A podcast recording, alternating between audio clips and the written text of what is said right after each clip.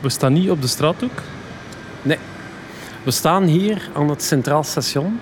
Centraal Station van Antwerpen aan de kant van de Keizerlei. Keizerlei, grote straat in de richting van het centrum, kathedraal in de verte. Links van de Keizerlei is de Diamantbuurt. Dat zijn eigenlijk twee, drie straten. En de rond en daarachter, helemaal in die richting, ligt de Joodse wijk. Hier in de straten rondom het station zie je de goud- en de juwelenwinkeltjes van de Georgians. En de Georgians, dat zijn de Joodse Georgiërs die die winkeltjes uitbaten. Langs deze plek fiets ik zo goed als elke dag voorbij. Het ligt op de route van al mijn belangrijke dingen van mijn leven hier in de stad. Maar met het maken van deze podcast ben ik over deze plaats iets te weten gekomen dat mij op een of andere manier, of niet op een of andere manier, dat mij gewoon diep heeft geraakt.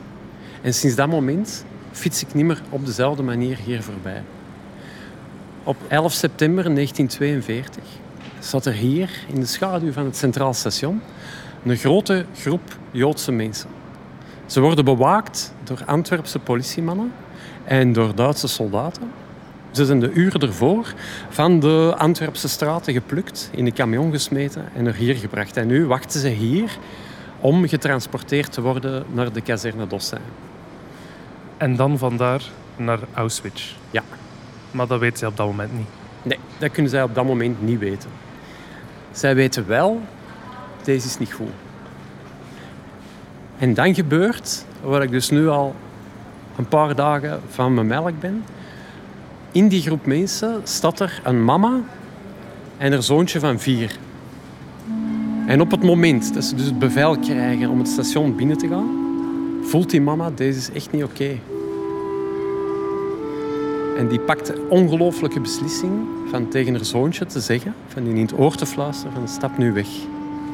Stap alsjeblieft weg en kijk niet om. En dat manneke, dat manneke dat doet dat. En terwijl die groep binnen wordt geleid in het station, slaagt hij erin om rustig uit die groep weg te stappen. Helemaal alleen. Die stapt het leven van zijn mama uit. Die stapt weg en die kijkt niet om. En die blijft stappen. Die stapt de zevende wijk in en verdwijnt dan voor bijna 50 jaar uit beeld.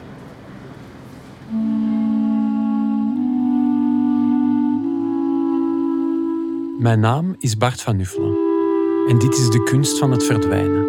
Een podcast van Marta Tentatief en Lucas de Rijke in co-productie met VRT Max. De muziek is van Tom Pintes. Aflevering 4. Fred. Naast de gangster met de rolkoffer en de jongens van het zomerkamp verschijnt nu ook een jongensje van vier in dit verhaal. Ik wil meer weten over de tunnelroof. En dus ga ik zelf op onderzoek. Hoe is de rest van de bende kunnen ontkomen? En wat is er geweten van de gangster met de rolkoffer? Ik schrijf lange brieven naar journalisten, advocaten, rechters van de raadkamer. En het wonderlijke is, iedereen wil met mij afspreken. Ik stuur een mail naar woordvoerder Willem Migon van de Antwerpse politie en pols voorzichtig of ik eventueel met de cameraspeurders kan spreken. En dat kan. Na lang speuren vind ik online de gegevens van de onderaannemer van Van den Borre, de voormalige baas van Gio en Koba. Ik durf hem te bellen en hij zegt: Kom maar af. En ineens voel ik me een journalist. En dat is best wel bijzonder. Want na het accident op Scoutskamp moest ik als jongetje van 14 maanden herstellen van een complexe beenbreuk. Die revalidatieperiode bracht ik door in de werkkamer van onkel Armand. Armand van Linde was journalist bij Gazet van Antwerpen en mijn grote voorbeeld. In de lange zomer van 1986 las ik uit zijn boekenkast de journalistieke standaardwerken van Hugo de Ridder, Günter Walraaf en Richard Kapuscinski. En natuurlijk wou ik toen ook zelf journalist worden. Maar dat is niet gebeurd. Tot nu. Ik neem mijn nieuwe taak ernstig. Op het randje van te ernstig. Ik vraag mijn gesprekspartners naar details van het onderzoek. Ik bel, ik bel opnieuw, ik vraag het nog eens. Ik probeer gelijk de echte journalisten het dossier te pakken te krijgen, maar dat mislukt. Ik vraag aan journalist Patrick Leffelon hoe dat komt. Is dat omdat ik geen netwerk heb? Ja, Hebt u het dossier kunnen inkijken? ja. Hoe concreet? Ik bedoel, is dat online of op papier? Mm. Ik heb het kunnen inkijken. Het gehele dossier? Eh, goh, dat denk ik... Allee, wat volgens mij nodig was voor een goed verhaal te maken. Ik vraag Patrick hoe hij het aanpakt. Je probeert iedereen die maar iets kan weten van heel die zaak eh, te pakken te krijgen. Hè. Het beste is altijd dat je zorgt dat je een tweede bron hebt, een officiële bron. Je hoort iets, dan beelden naar die officiële bron. Dat wordt bevestigd, dat wordt ja, geen commentaar. Allee, dat je altijd zorgt dat het van verschillende kanten kan komen. Wat je dikwijls hebt, als het een omvangrijk dossier is, op het einde van het verhaal, dan maken de speurders een synthese-PV. En meer heb je niet nodig. Jij kunt natuurlijk als journalist in de krant niet zeggen van ik zit in het dossier, want dat mag officieel niet. Hoe verwoord je dat dan? Als je zo die stukken hebt, moet je ook altijd zorgen dat je niet alleen maar dat doet. Allee, dat is de tactiek ook een beetje om je wat in te dekken. Hè. Eh, en natuurlijk, men tilt daar niet zo zwaar aan dat je uit het onderzoek lekt als het al ver genoeg is. Ik neem de raad van Patrick ter harte en begin opnieuw rond te bellen. En het lukt. Van een bron dicht bij het onderzoek krijg ik een mapje met foto's. Tussen al die foto's valt er eentje heel erg op. In de riool hebben de tunnelrovers op een stapel zandzakken een houten plank achtergelaten. Met daarop een boodschap en een smiley. Ik trek een foto van de foto en stuur die naar Evgenia, een bevriende actrice met Russische roots. Hey Evgenia, is dat Russisch? En zo ja, wat staat er op die plank? Daarnaast zijn er ook enkele foto's van de orthodoxe Jood met de rolkoffer. Allemaal slechte afdrukken van de camerabeelden van 3 februari, de dag van de tunnelroof.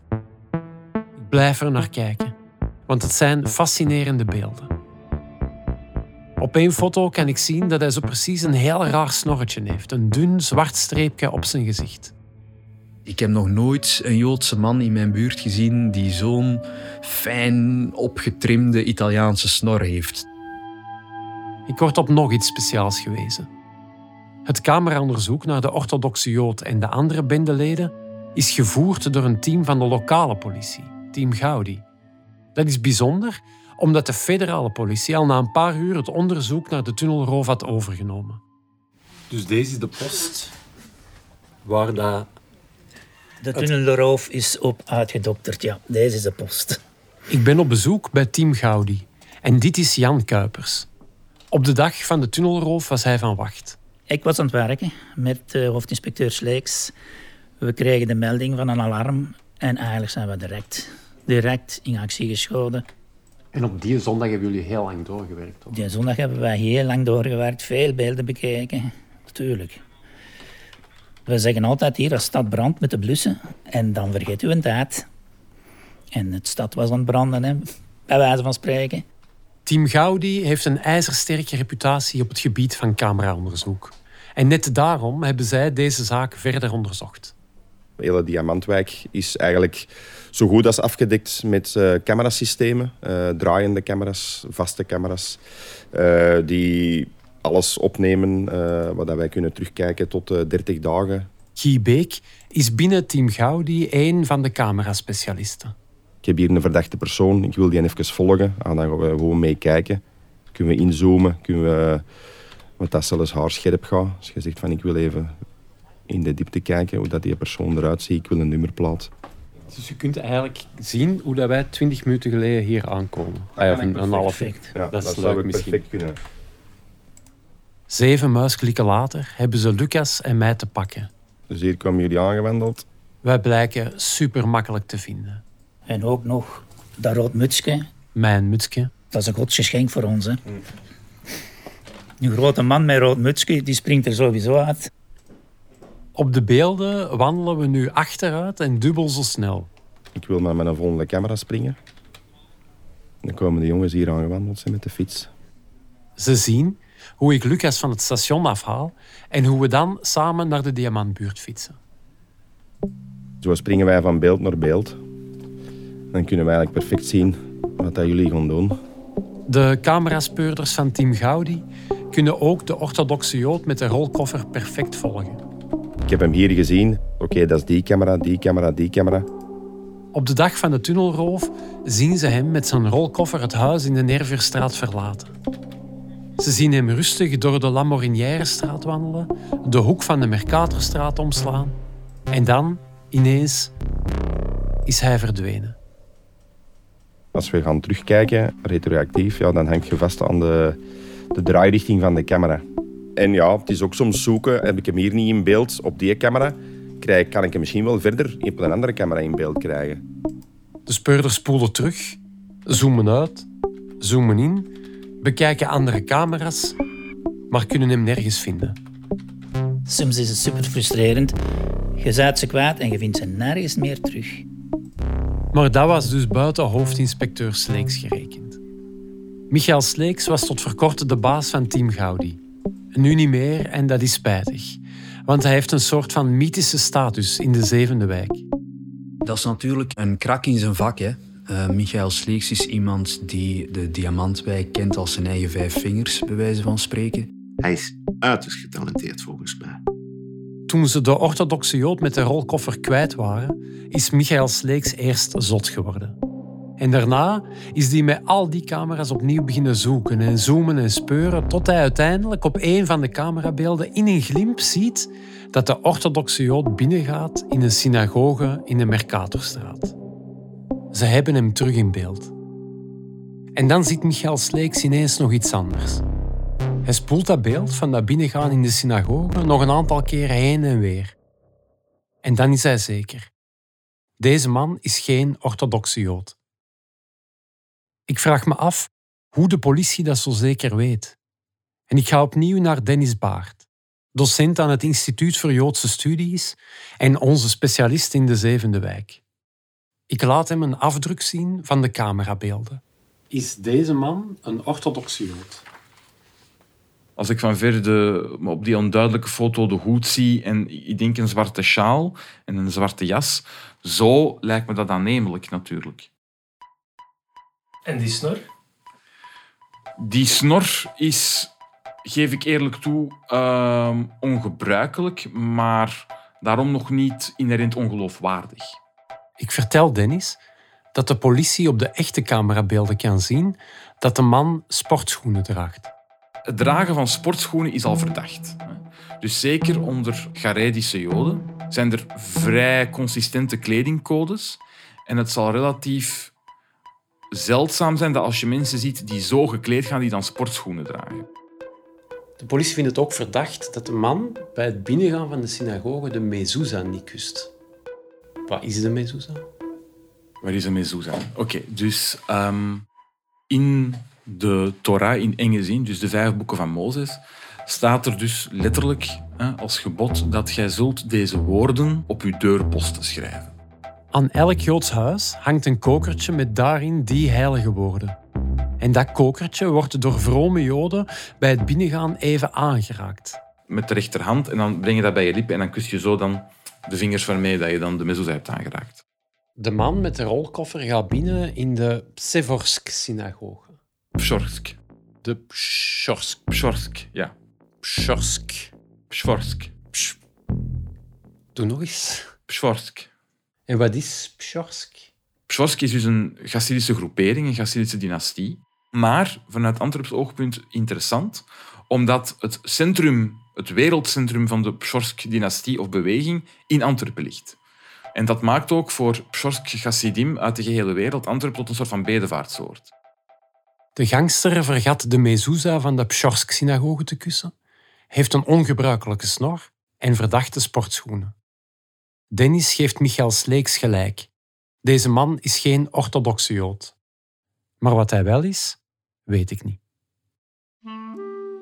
Op het einde van ons gesprek vertel ik Dennis dat de camerasystemen die de zevende wijk bewaken, en dus ook de beelden maakten van de valse Jood, er zijn gekomen door een aanslag op de Joodse jongens van het zomerkamp. Dennis knikt. Hij kent het verhaal, in tegenstelling tot veel anderen. Uiteraard uh, ben ik net iets te jong om het zelfbewust meegemaakt te hebben. Wat ik uiteraard wil weten, dat het een, uh, een bus was van, van kinderen van Aguda. Die gingen vertrekken ook op zomerkamp. En dat het een van de naoorlogse definiërende trauma's was van de Joodse gemeenschap in Antwerpen.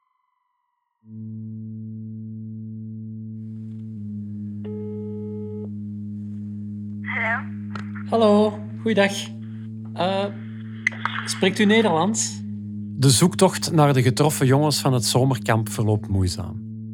De fils j'ai en Amérique, alors c'est des horaires un peu différents.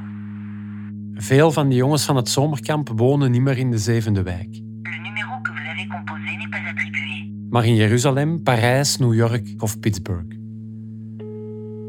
Ik krijg in de loop van de weken en maanden verschillende jongens van het zomerkamp aan de lijn. Hallo? Hello, good evening, sir. En iedereen is echt wel vriendelijk en welwillend. I totally understand. It's no problem at all. Maar niemand wil over de aanslag praten. Het is te pijnlijk. Het is te lang geleden. En ook, God heeft het zo gewild. En dat moeten wij aanvaarden. Het jongensje van vier dat zonder omkijken van het station wegwandelde, heette Fred. Ik ken zijn verhaal dankzij het boek 1942, het jaar van de stilte. Ik ben eraan begonnen in 2004, 2005 en het boek is verschenen in 2019. Historicus Herman van Goetem brengt in dat boek het oorlogsjaar 1942 tot leven. En dat doet hij door elke dag van dat jaar opnieuw in te zoomen op het leven van gewone mensen, via getuigenissen, pv's van de politie en krantenberichten. Per wijk gaat dat om uh, duizenden processen verbaal per maand en die moet je dus allemaal bekijken, bekijken, bekijken. Ook de zevende wijk komt aan bod. Want ik heb de term niet zelf uitgevonden. Het is een benaming uit het interbellum die perfect de plek omvat waar dit verhaal zich afspeelt. De zevende wijk is een heel belangrijke wijk omdat daar een zeer grote Joodse aanwezigheid is.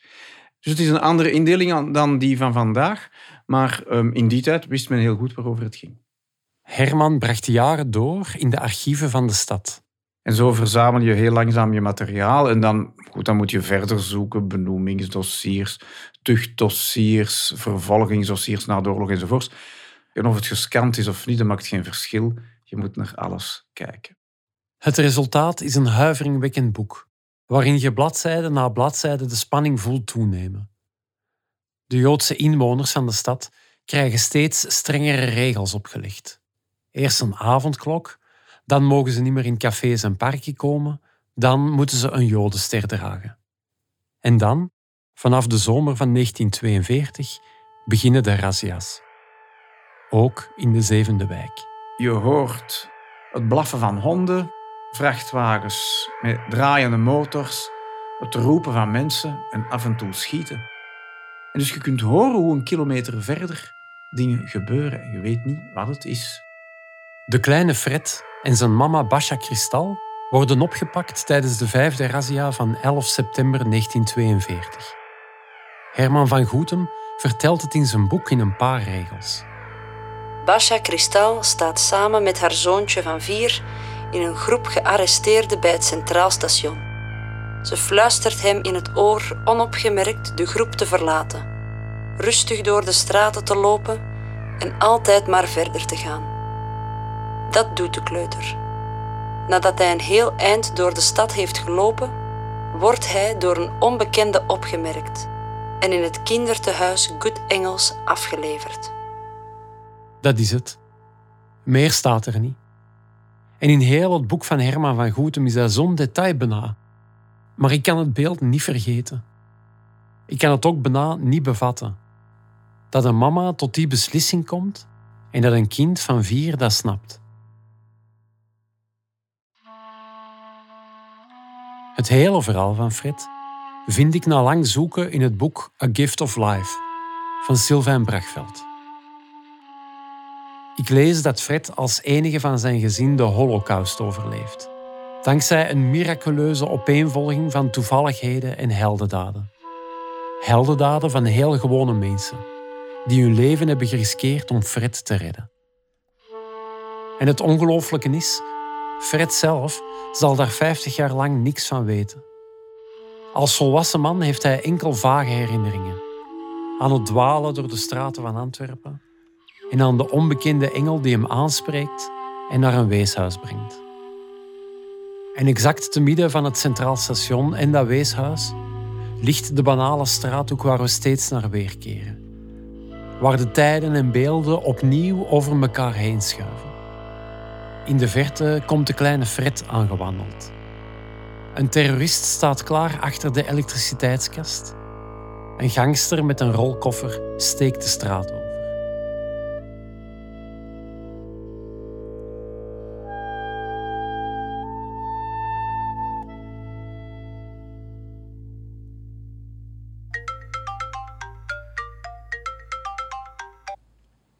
Hallo? Ik word gebeld door Evgenia. Hey, merci voor te bellen. Ik kom te weten wat er in het Russisch op de plank staat geschreven. Ja, ik heb het fotootje gezien en het betekent teven. Teven. Teven blijkt een ander woord voor politie te zijn. De bendeleden kopen bijvoorbeeld veel gsm-toestellen omdat de teven die niet kunnen afluisteren. Ze gebruiken codetaal, spreken fysiek af of switchen naar WhatsApp omdat de teven waken. Ik ga nu foto's laten zien van Koba. Uit het strafdossier.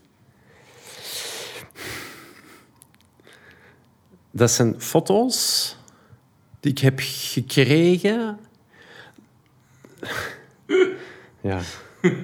Gekregen? Ja, het zijn foto's die ik heb gekregen van een bron nabij het onderzoek. Nee, zelfs niet een bron. Van twee bronnen nabij het onderzoek.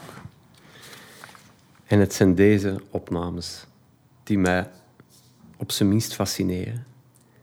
3 februari 2019. De dag van de tunnelroof. Koba komt buiten uit het huis in de Nerverstraat. Foto wandelt weg, foto wandelt verder weg. En een half jaar hiervoor was dan nog een wasmachineleverancier. En nu is hij een tunnelrover. Hoe moet dat gevoeld hebben? Er zijn volgens mij twee mogelijkheden. Ofwel ze het totaal euforisch. Dat je denkt van, weg met die job. Gedaan met wasmachines sleuren. Ik heb iets anders. Een tweede mogelijkheid, en die vind ik zelf veel makkelijker om mijn eigen voor te stellen, is echt totale stress. Je zit er op een of andere manier bij betrokken geraakt en je denkt van nee, wat is er nu? En je davert van de spanning over die straat. Maar bij hem nergens iets daarvan op te merken. Die is rustig, die is cool. Wat hij ook voelt, die speelt dat weg. En datzelfde gebeurt hier in mijn living met die levering van dat wasmachine. Dat was totaal filmisch. Die stond in die muur te kijken met die knipsels. Die draait zijn eigen om, die kijkt naar die living en dan kijkt hij naar mij. En dat is dan misschien wel niet zo'n hele goede wasmachineleverancier. Maar dat is wel echt een grote acteur. Want dat was het. Een act. Van een acteur die fout gecast is. Het stuk naar de knoppen speelt. En toch iedereen betovert. De daaropvolgende maanden spelen de camera's effectief een hoofdrol in zijn leven. Hij wordt gefilmd in een gokcentrum in het gezelschap van een zekere Dato, een van de verdwenen bendeleden. Hij wordt gefilmd terwijl hij de slijpschijf aankoopt. Hij wordt gefilmd als hij na de tunnelroof als eerste buiten komt uit het huis waaruit de tunnel is gegraven. Een paar dagen later staat zijn foto in kranten en op nieuwsites wereldwijd en krijgt hij een verdiende staande ovatie in de gevangenis van de Begijnenstraat. Toen dat Koba daar binnenkwam als de man van de bankroof van de 21ste eeuw, was dat wauw en dat was applaus en dat was... Iedereen wou in contact komen met hem. Dat was voor hen hun god. Even een telefoonnetje doen en ik... Uh... Gino is met Chris, je hebt gebeld? Ik ga spreken met Chris Kegels, de voormalige werkgever van Koba. Vooral in de hoop zijn transformatie tot tunnelrover beter te begrijpen. Hoe zijt je te weten gekomen dat uw chauffeurs bij de zaak betrokken waren? S'avonds had ik het gezien op het nieuws. En ik denk dat ze bepaalde namen met afkortingen gebruikt hadden of zoiets. En ik zei tegen mijn vrouw nog van, kijk, dat is precies de Koba. Oh, dat kan niet. En een paar uur later stond er in één keer uh, federale politie binnen in, uh, in uw huis. Dan begin je toch eens een keer uh, achter uw oren te krabben. Niet veel later krijgt hij ook journalist Patrick Luffelon over de vloer. In de krant is Chris bikkelhard voor zijn voormalige chauffeurs. Dat Koba is gearresteerd verwondert mij niet meteen. Hij zat altijd in geldnood en was een bazig type. Ja, als het emmerke vol is, dan, dan, dan is het emmerke vol. Pas nu ik Chris zelf spreek, snap ik dat dat niet zozeer te maken heeft met Koba en Gio, maar wel alles met zijn eigen situatie. Ik kom opnieuw in een andere wereld terecht. De wereld van de couriers, de onderaannemers van grote, succesvolle bedrijven als Van den Borre. Ik heb altijd wel graag geld verdiend. Meer verdiend als de gewone mens, om toch net dat ietsje meer te kunnen doen. En ik ben zelfstandig geworden op mijn 19 zeker, dat is nu 20 jaar geleden. En ik heb ik drie jaar alleen gereden. Uh, wat goed kunnen sparen en ik met personeel begonnen. Zijn bedrijf groeide uit tot een succesvolle onderaannemer van Van den Borre. Met meer dan 40 chauffeurs leverde Chris elektrotoestellen in heel Antwerpen. Vroeger kon ik heel veel verdragen van heel veel mensen. Ik had wel, wel een eigen willeke en, en, en vrij koppig en alles wat. Maar ik kon heel veel plezier maken en lachen en zwansen. En dat is nu eigenlijk veel minder. en dat is wel iets door personeel gekomen. Ik, uh, ik zeg het, personeel nooit meer. Ik kan niet anders momenteel, hè, maar ik ben het echt, uh, echt strandbeu. En hoe komt dat? Vooral de ziektes. Hè. De dag dat ze, als ze mensen kunnen klonen, ja, dan kloon ik mijn eigen gewoon twintig keer. En dan, ja, maar als je lacht ermee, maar dan, dan is, dat, is dat geen probleem. Als elke dag iedereen zijn job doet, je kunt iets ziek zijn, hè, dat is geen probleem. Hè. Maar als iedereen zijn job doet, dat gaat moet doen en af en toe eens een keer een extra wil doen, dan moet ik twee, drie man personeel minder aannemen. En dat scheelt mij tussen de 10 à 12.000 euro per, per maand. En nu is dat gewoon, mijn winst is gewoon allemaal weg door de mentaliteit van de, van de werknemers van tegenwoordig. Ook aan de kant van de inkomsten is de afgelopen jaren van alles veranderd.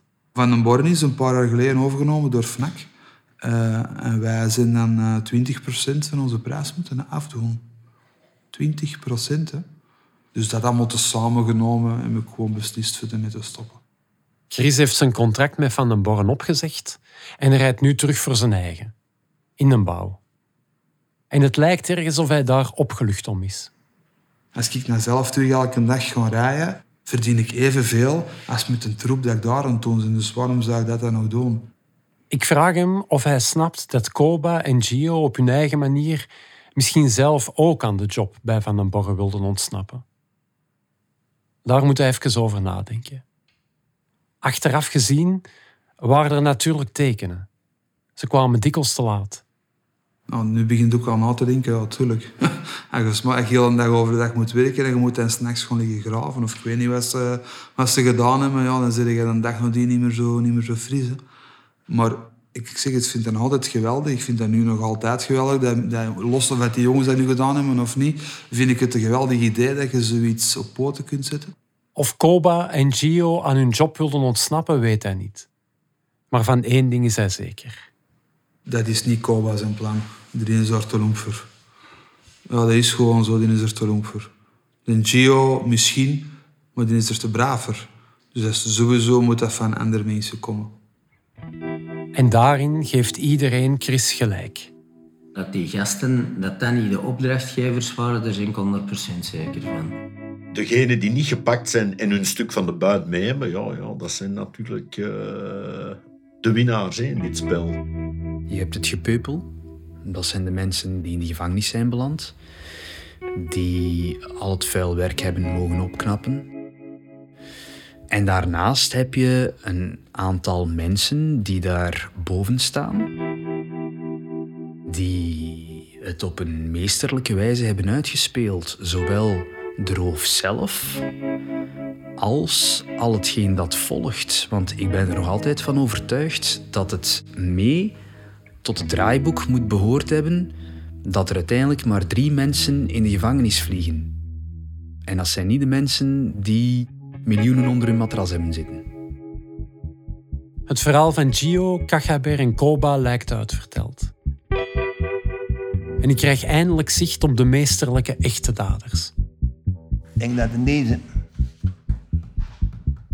Ik denk dat hij mee voor het contract geweest is, dat ik me niet vergis. Ja. Daar ben ik praktisch 90% zeker van. Ja. Dus die twee zullen waarschijnlijk die kick gezien hebben. Dat zullen waarschijnlijk de, de, de topmannen zijn.